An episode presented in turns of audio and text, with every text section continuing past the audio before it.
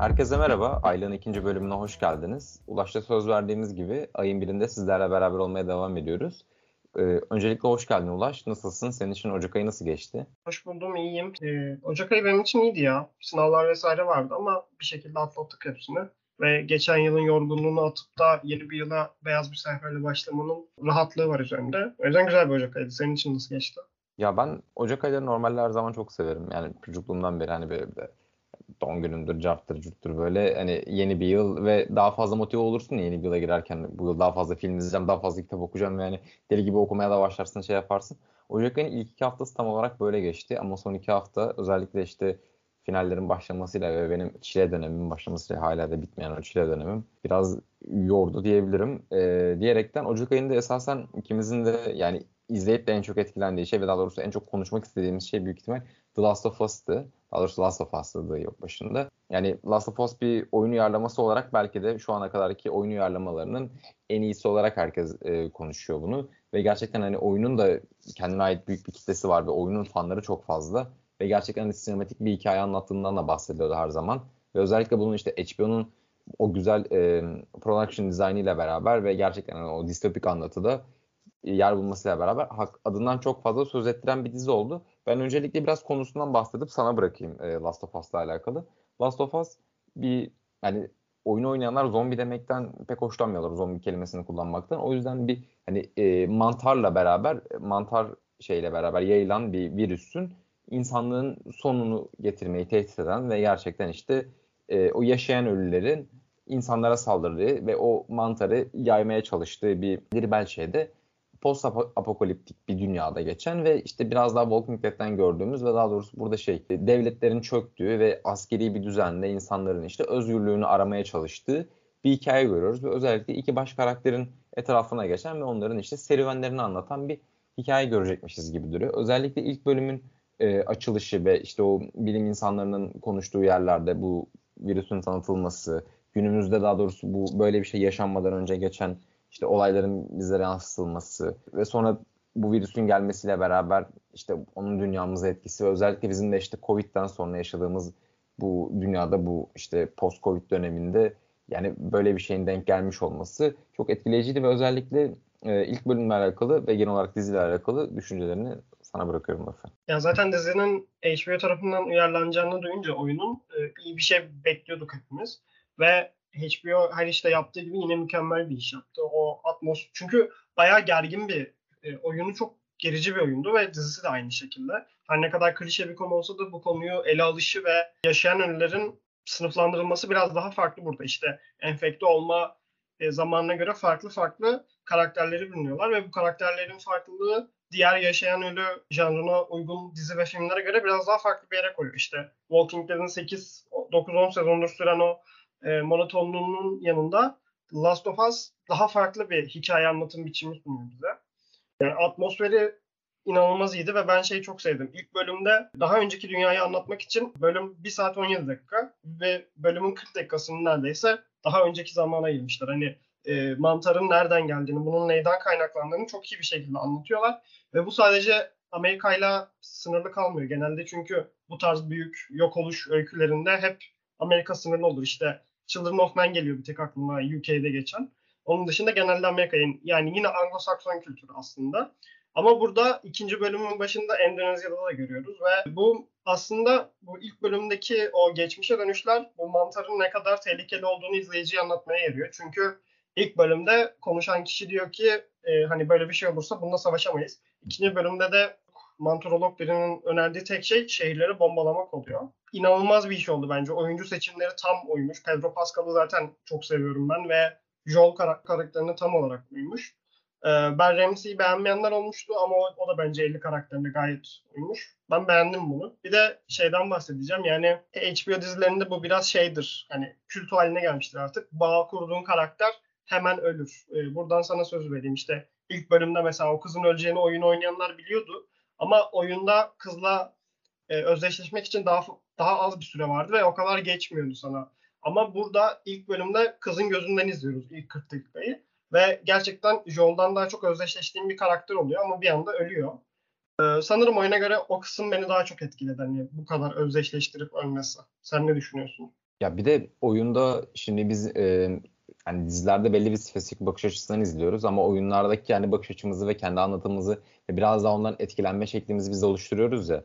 Ve özellikle işte burada e, HBO'nun zaten farklı yaptığı şey o karakteri çok iyi bir oyuncu olarak yapıp ve özellikle işte spoiler olacak ama ikinci bölümde ölen kadın da gerçekten hani o ikisi çok iyi oyuncular ve iki bölümünde belki e, dramatik yapısını o iki kişinin ölümü üzerine kuruyor ve o iyi oyunculuklar zaten belki de bizi buraya kadar yönlendiriyor. Oyunun işte diziden farklı olmasının bir yanı da bu ve özellikle işte oyuna çok sadık bir dizi bu ve bunu şeyde de görebiliyoruz. İkinci bölümün yönetmeni, oyunun yapımcısı ve bizim de işte burada e, bu kaydı biz ikinci defa alıyoruz. Bu konuyu tekrar konuşmak biraz komik olacak ama işte yani Enes'le falan çok fazla konuştuğumuz özellikle işte sinema hakkında bildiğimiz iki ya da üç şeyde e, video oyunları ve sinema arasındaki ilişkiden bahsederken özellikle bize de yeni bir malzeme çıkmış oldu. Bu türler arası geçişte yani onun da adamın ilk yönetmenlik deneyiminin böyle bir şeyde böyle bir büyük bir HBO yapımında e, yapması ve gerçekten altından çok iyi kalkması bu hikaye anlatıcılığının ve gerçekten hani tek bir bakışla e,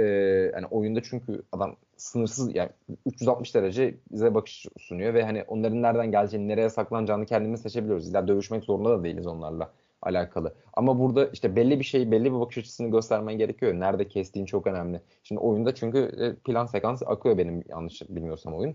Ama burada öyle değil. Tamamen senin o kurguyu düzgün ayarlaman lazım. O gelen enfekte olmuş kişilerin nereden geldiğini sese göre kurgulaman lazım. Ya şundan bahsettin işte belki işte e, Walking Dead kadar monoton olmamasından bahsettin. Burada belki katman katan şey de oyun oynayanlar her zaman şeyden bahsediyorlar işte. Bu enfekte olmuş yaratıkların aslında belli, belli çeşit çeşit farklılıklarından olduğundan ve işte sadece işte duyma yetiliyle değil işte Quiet Place'deki gibi sadece duyarak hareket eden yaratıklar değil. Bunlar gerçekten hani farklı farklı çeşitlerle ve beraber bir şekilde hani etkileşimleri de var. Bunların arasında bir iletişimle gerçekleştirebiliyorlar. Ya bu diziye katman katan şeylerden biri yani belli başlı sevmediğim şeyler vardı hikaye anlatıcılığı konusunda. Ya mesela o kapalı yerde geçen işte şey askeri yönetimin altında geçen o ayaklanma öyküsünü yani belki evet farklı bir şekilde anlatmaya çalışıyor ama hikayenin güçlü yerini o şehrin içindeki e, despot yönetimin, askeri yönetimin altındaki ezilmiş şeyleri göstermekten ziyade o iki kişinin yalnız kalmış ve uçsuz bucaksız dünyadaki kendilerine hayatta kalmaya çalışırkenki serüvenlerini izlemek gibi geliyor bana hikayenin güçlü yönü. Ve belki işte bu yönler bizim için hikayede daha etkileyiciydi ve ben açıkçası ne zaman biteceğini anlayamadım da şeyin hani gerçekten temposunu çok güzel ayarlamıştı. Ama işte içeride geçen sahneler o askeri yönetim altında geçen sahneler falan o kadar da bana e, çok çok başarılı bulmadım diğer şeylere göre. Ya o sahneler bence de biraz klişeydi ve bilmiyorum biraz temposunu düşürdü bence. Çünkü ben şeyi sevmiyorum. Ee, hani iktidar mücadelesi hayatımızın her tarafında var. Evet ama zaten çok büyük bir yok oluş gerçekleşmiş ve e, kısıtlı bir bölgede yaşayan insanların kendi içindeki iktidar e, mücadelesi, atışmaları vesaire hani dışarıda o dünyayı keşfetmek varken çok büyük bir tehdit var ve hani apaçık bir dünya yani. O mikro alandaki iktidar çatışmaları beni çok sıktı ve hani oraya çok takılı kalmamalarına biraz sevindim açıkçası. İkinci bölümü e, daha çok sevdim birinci bölüme göre o yüzden. Ben de sana katılıyorum ve diyerekten her hafta yeni bir bölüm yayınlanacak. Siz bu bölümü dinlerken 3. bölüm de yayınlanmış olacak. Biz daha izleyemedik onu ayın 29'unda kayda aldığımız için. Bir başka HBO işi olan Nathan Fielder'ın akıl hastalığı olan e, The Rehearsal'a geçmek istiyorum. Yani bunu her defasında çok farklı anlatıyorum. Çok fazla kişiye önerdim ben Rehearsal'ı izlemesi gerektiğini. Ve gerçekten hani çok fazla hani mediumlar üstü bir iş gibi geliyor bana. E, bu tiyatroda da yapılabilirdi. Bunu farklı bir biçimde sinema filmini de yapabilirdin. Veya bu rehearsal'ın bir bilgisayar oyunu da yapabilirdin ama Nathan Fielder bunun için e, HBO'da bunu dizi şeklinde yapmayı tercih ediyor. Ve kendisinin özellikle şu an benim de izlediğim e, güncel olarak takip etmeye çalıştığım Nathan For You'da yaptığı daha doğrusu yapmaya çalıştığı işte o insanların günlük akıl hastalıklarını ve günlük akıl tutulmalarını onları birleştirip tamamen bir rehearse etme, prova etmek üzerine bir şey kuruyor. Ben yani çok fazla yani dizinin içeriğinden hiçbir şekilde bahsetmedim. Biraz ondan bahsedeyim istersen. İnsanların Nathan Fielder'a gelip belli bir olayı yaşamak için bunun, bunun hakkında önceden prova yapmak istiyorlar. Ve Nathan Fielder onlara işte uçsuz bucaksız bir şey seriyor. Ve gerçekten işte depoya yapacakları şeyi birebir simüle edip birebir şekilde onu tasarlayıp mesela gidecekleri bir barı tasarlayıp onun içinde ne gibi konuşmalar olabilir? İşte o olumlu senaryoda böyle olabilir. Ona nasıl e, şakalar yapabilirsin, nasıl selam verebilirsin gibisinden onların önüne sonsuz şekilde seçenek koyup ve gerçek e, konuşacakları kişiye benzer bir oyun, e, oyuncular getirip o oyuncularla beraber bunları sürekli denemesi üzerine kurulu bir anlatı var. Ve Nathan Fielder da bu ona gelen insanlarla tanışmadan önce o insanları birebir olarak işte evlerini replika edip onlardan e, nasıl bir tepki verebileceğini, nasıl konuşabileceğini birebir replikalarını kendi deposuna kurarak provalar yapıyor ve bu biz bu provaları izliyoruz ve şeyde bazen o şey sınırının kopup esasen bizim hani beklediğimiz şey gerçekten o insanlarla konuşunca ne yaşayacaklar ya işte nasıl bir tepki verecek bu provalar işe yarayacak mı falan filan. Yani Nathan Fielder bununla hiç ilgilenmiyor. Tamamen onun için önemli olan o prova sürecini göstermek. O prova sürecinin prova süreci işte provada gelen birinin bir oyuncunun e, yerine geçip sonra kendisini başka birine prova ettirmek. Yani bu süreci bize göstermek yani. ilk sezonda özellikle işte hiçbir şekilde umurunda değil yani sonuç olarak ne kazandığı, eline ne geçtiği veya o o konuşmanın iyi bitip bitmediği, kendisinin işte bir baba olmaya çalışan birini şey yapıyordu. Kendisi de işte bir ebeveynliğe hazırlamaya çalışıyordu ve bunun sonucunda gerçekten hani bizim ilgimizi çeken şey o süreç boyunca kendi üzerinde oluşturduğu etkiler ve daha doğrusu karşı tarafının üzerinde oluşturulan etkilerdi. Yani akıl hasta da öyle bir yere gidiyor ki prova için gelen çocuk oyuncu gerçek hayatta babası olmadığından dolayı ve gerçekten belli saatler boyunca Nathan Fielder'la beraber ona baba deyip ona baba baba oğul ilişkisini oynadığından dolayı adamın gerçekten babası sanıyor ve bunun etkisinden çıkması çok uzun sürüyor. Yani buralara kadar vardırabiliyor hikayesini ve dediğim gibi işte önemli olan orada sonucu değil o sürecin kurcalanmasını bize çok güzel yansıtıyordu. Sen de galiba ilk bölümünü izledin ama o kadar da beğenmemiştin. Lafı sana bırakın fazla uzun konuştun. Ya sen söylenebilecek her şeyi söyledim. Ben neden beğenmediğimi beğenmemek de değil de neden içine giremediğimi anlatayım.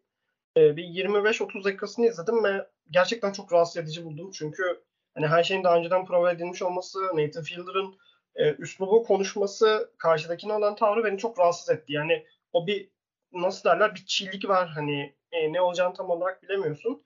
Ve şeyden mesela çok rahatsız olmuştum ben. İşte prova yaparken bir şaka yapıyor ve o şakadan tepki alıyor e, provada. Ama daha sonra gerçek hayatta yaptığında o şakadan bir tepki almıyor ve direkt yüzü düşüyor. Yani direkt o prova kesiliyor, şey oluyor.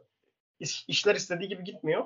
Oradan sonraki o aralarındaki gariplik beni çok garip hissettirmişti ve ben böyle yaşanabilecek garip durumlardan kaçmaya çalışan biriyim. E, kendi hayatımda da. Bunu izlerken görmek de çok hoş olmadı benim için. İşte mesela o kadınla konuşurken oyuncuya yalan söyletiyor ya aslında yalan söyledim mesela diye. Orada ben çok gerildim. Ve ondan sonra kapattım zaten direkt. Yani benim için o açıdan uymadı. Çünkü benim parametreme göre çok garip kaçtı bana ve çok rahatsız hissettirdi beni. İyiliği kötülüğüne bir şey diyemem ama bence iyi bir iş yine de. Ya zaten Nathan Fielder üslup olarak da, mimik olarak da, jestler olarak da gerçekten çok garip biri yani. Gerçek hayatta tanışsak ne diyor bu, ne anlatıyor bu deli deyip e, hiçbir şekilde iki, iki cümleden fazla konuşmayacağımız biri de olabilir. Bilmiyorum yani. Çok da fazla uzatmayacağım ben. Devamında ne gelecek çok merak ediyorum ve özellikle işte e, şey konusunu kurcalaması da güzel yani. Bizim filmleri, dizileri yapılırken esasen o prova sürecinin e, gerçek hayattaki olarak onu bir fielder method olarak göstermek, oyunculuğu göstermek ve bununla biraz kurcalamak ve bunu tamamen bir freak show'a çevirmesi açısından da eğlenceliydi yani. Bir şey düşündürmese bile en azından izlerken hani ben şeysini seviyorum. Ben şu an ne izliyorum bilmiyorum. Kendimi çok garip hissettiriyor ama bunu izlemeden de duramıyorum. Hissini çok seviyorum. Bana da bunu en çok hissettiren işler genelde HBO'da çıkıyor. Yani How to John Wilson özellikle. ne yapıyoruz biz şimdi falan gibisinden bir şeydi. Diyerekten e, bizim seninle işte aynı gün izlediğimiz senin bana öner- önermenle Utama'ya geçebiliriz. Önce Utama'nın konusunu anlatayım ben. Bolivya'da lama yetiştiricisi bir köylü çiftin hayatını anlatıyor film. Ee, yaşadıkları köyde su yok. Her gün su almak için çok uzun mesafeler kat ediyorlar ve bir dereden su alıyorlar. Yaşlı bir çift. Daha sonra torunları geliyor ve onları şehre götürmek istiyor. Oradan bir çatışma ortamı kuruyor film. Çünkü e, kadın gitmek istese de adam gitmek istemiyor ve torunuyla adam arasındaki adamla kendi çocuğu arasındaki çatışma hani genetik olarak aktarılıyor torununa ve ikisi arasında bir iktidar çatışması görülüyor. Bir su doğasına çıkılıyor, yağmur doğasına çıkılıyor ve ondan sonra bir oylama yapılıyor. İşte şehre gitmeli miyiz yoksa kalmalı mıyız diye. Burada kadınlar genelde gitme taraftarıyken erkekler gitmek istemiyor.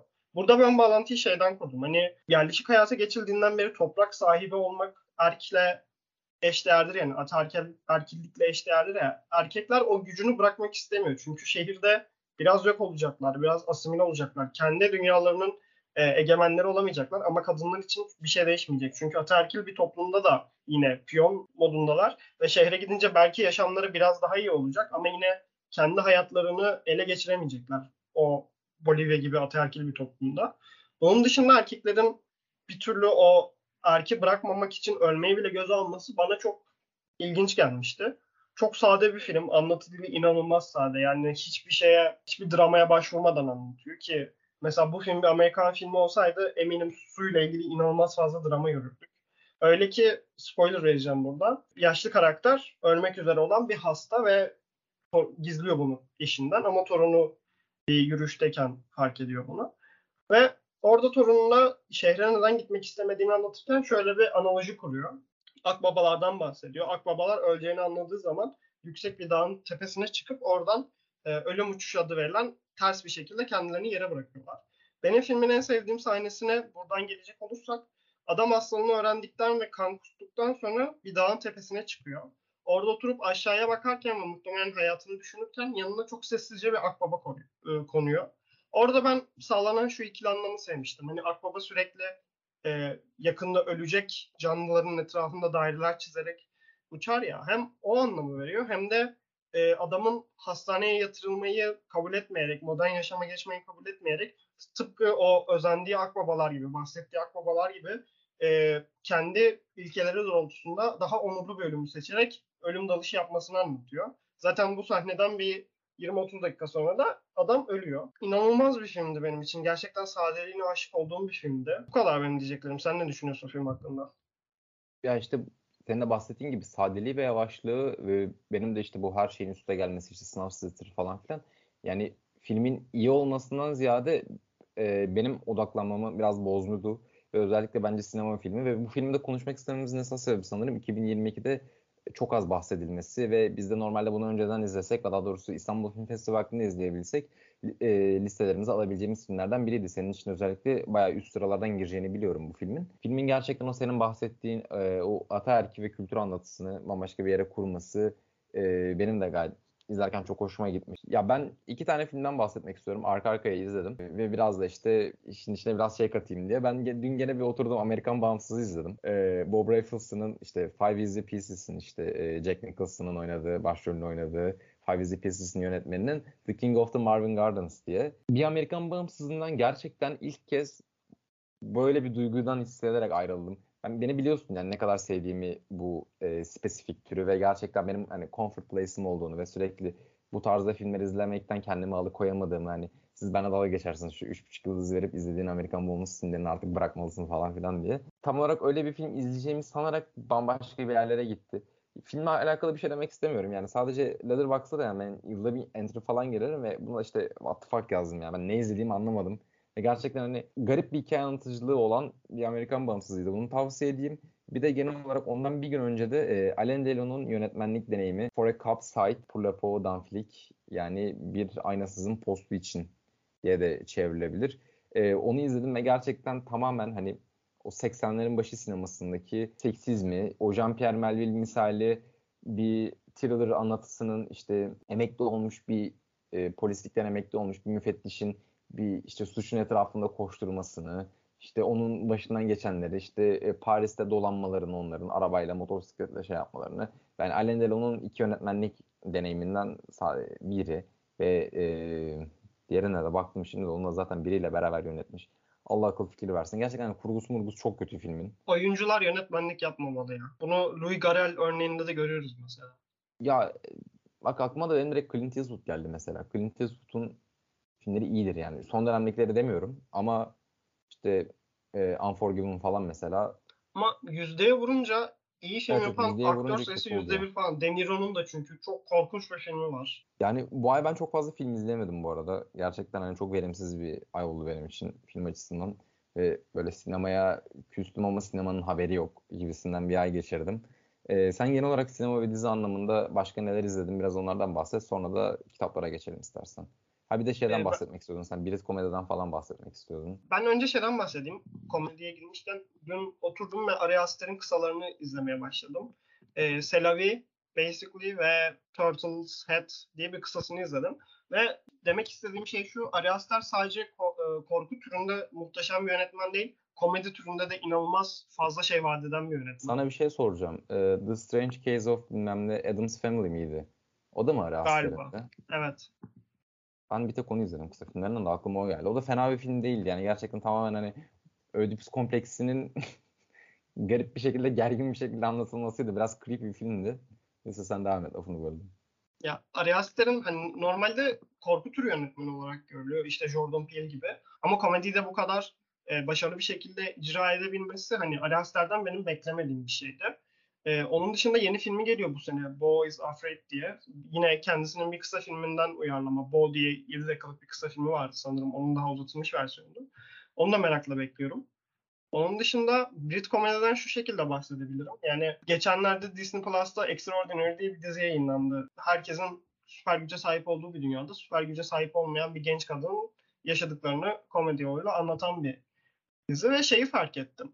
Ben sanırım Brit komediyi Amerikan komedisine göre çok çok daha fazla seviyorum. İşte The Office'in UK versiyonu olsun, The IT Crowd olsun, Maisie Williams'ın oynadığı Two Weeks to Live olsun, yine geçenlerde Disney Plus'ta yayınlanan Wedding Season olsun, The End of the Fucking World olsun. Yani şeyi daha çok seviyorum. Brit komedide çünkü Amerikan komedisindeki o klişeler, o çiğlik tam yok. Gerçekten saf bir kara mizah var. Ve genelde hepsi kara mizah üzerine kurulu. Ve o karanlıklı komedi bu kadar iyi perçinleyebilmelerini çok seviyorum. Hani anlattıkları konular gerçekten korkunç konular. İğrenç şeyler anlatıyorlar. Ama bunu komediyle o kadar güzel harmanlıyorlar ki izlediğin şey sana bir dram olarak aktarılabilecekken gerçekten bir komedi durumu olarak geliyor ve garip bir şekilde kendini o karakterle özdeşleştiriyorsun. Hani karakter çok kötü şeyler yaşadığı halde.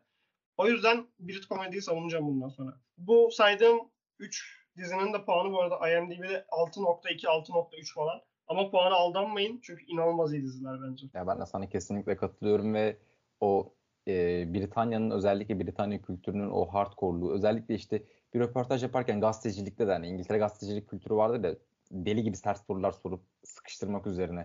Ve yani komedide de biraz daha oraya doğru gidiyorlar yani dibine kadar.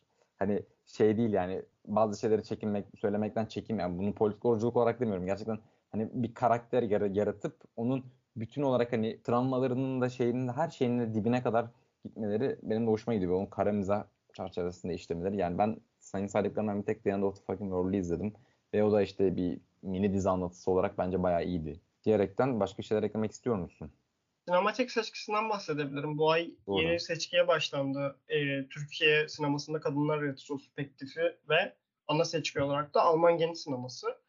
Ee, sadece Düne Veda ve Ali Korku Ruhu Kemir'e gidebildim. Ee, Düne Veda Alexander Kruger'in, şeyde, Ali Korku Ruhu Kemir'de Fassbinder'in. Ve ikisi de çok iyi filmdi. Ben Alman genç sinemasını merak ediyorum çünkü o Braun manifestosu ve e, genelde 68 kuşağının o sinemadaki devriminin Almanya'da nasıl vuku bulduğunu merak eden birisiydim ve daha önce izleme fırsatına çok erişememiştim. Fassbinder'in birkaç işini izlemiştim ama bambaşka bir e, Almanya gösteriyor size bu filmler.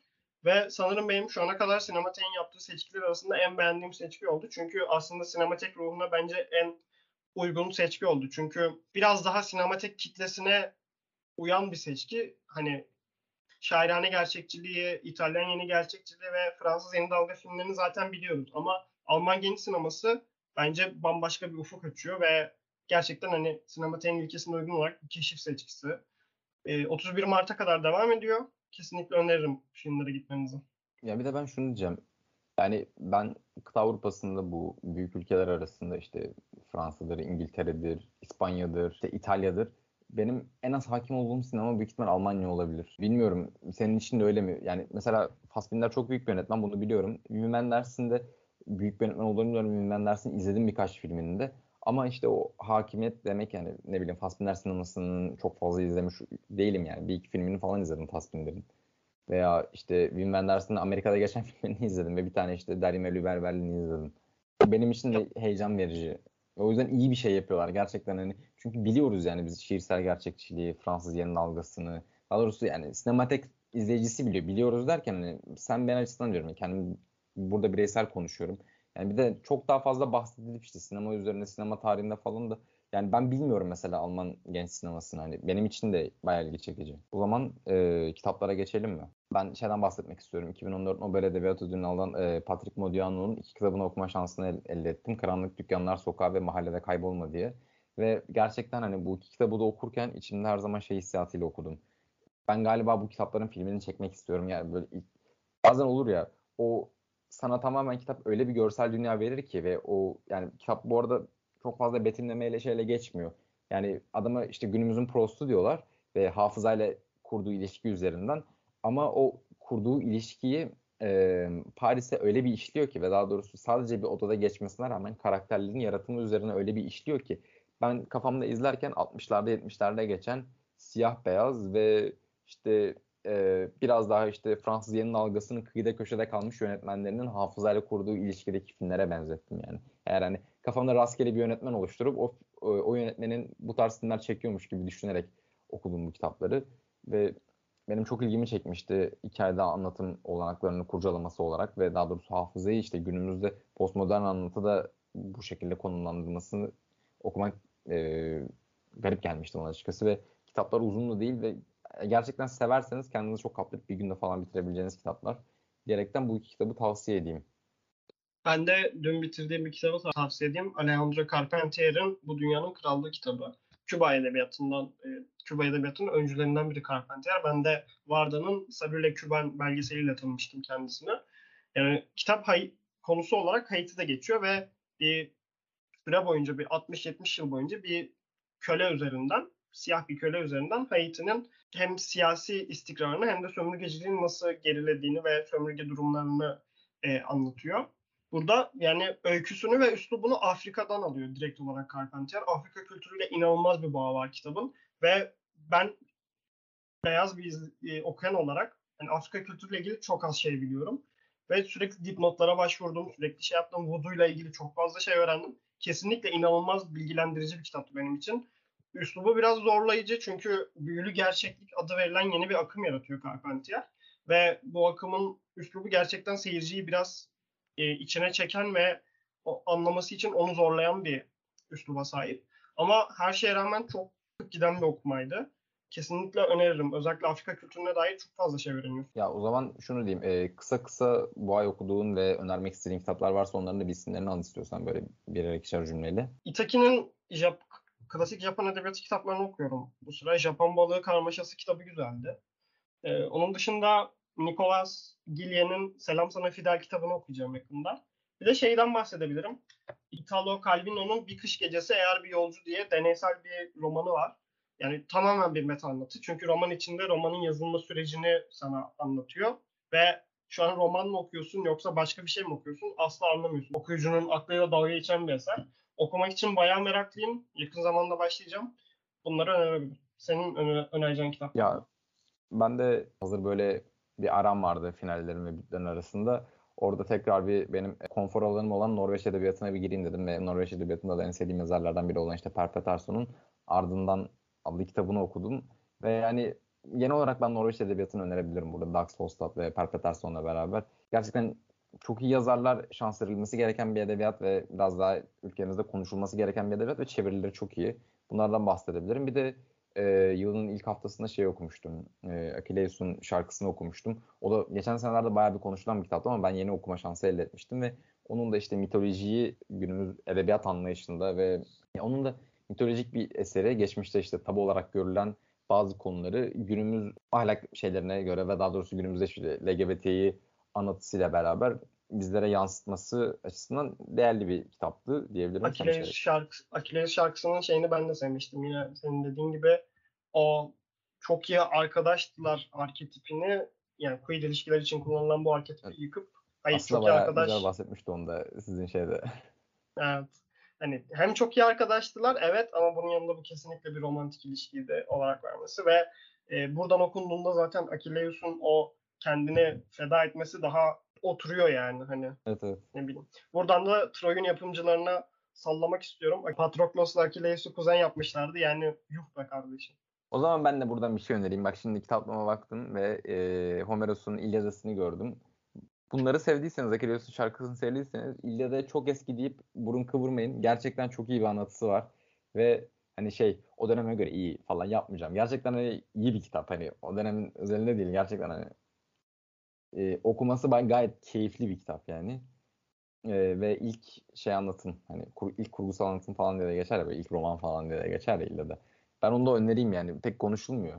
daha doğrusu konuşuluyor. Hani İlyada'nın etkileri üzerine çok konuşuyor. İlyada hakkında konuşmalar çok yapılıyor ama hani İlyada kitap olarak çok okunduğunu düşünmüyorum ben. Ve onu önereyim yani.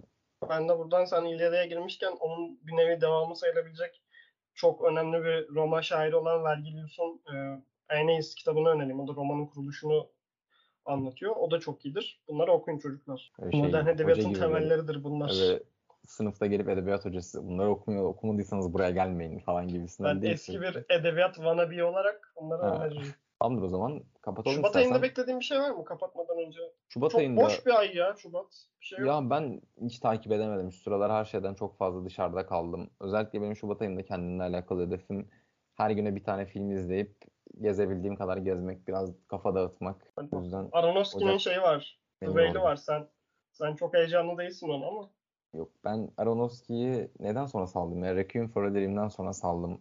Aronofsky Evet. büyük yönetmendir. Altında kalırsın. Ya bir dönem zaten hani Nolan kadar büyük bir heyecan yaratan bir yönetmenmiş ya 90'larda özellikle ama şimdi yok. Ben benlik değil hemen Umarım Aronofsky ile barıştığım bir ay olur Şubat diyelim ve kapatalım istiyorsan. Tamam buraya kadar dinlediğiniz için teşekkürler. Ee, önümüzdeki ay görüşmek üzere diyelim. Hoşça kalın. Görüşmek üzere. Hoşçakalın.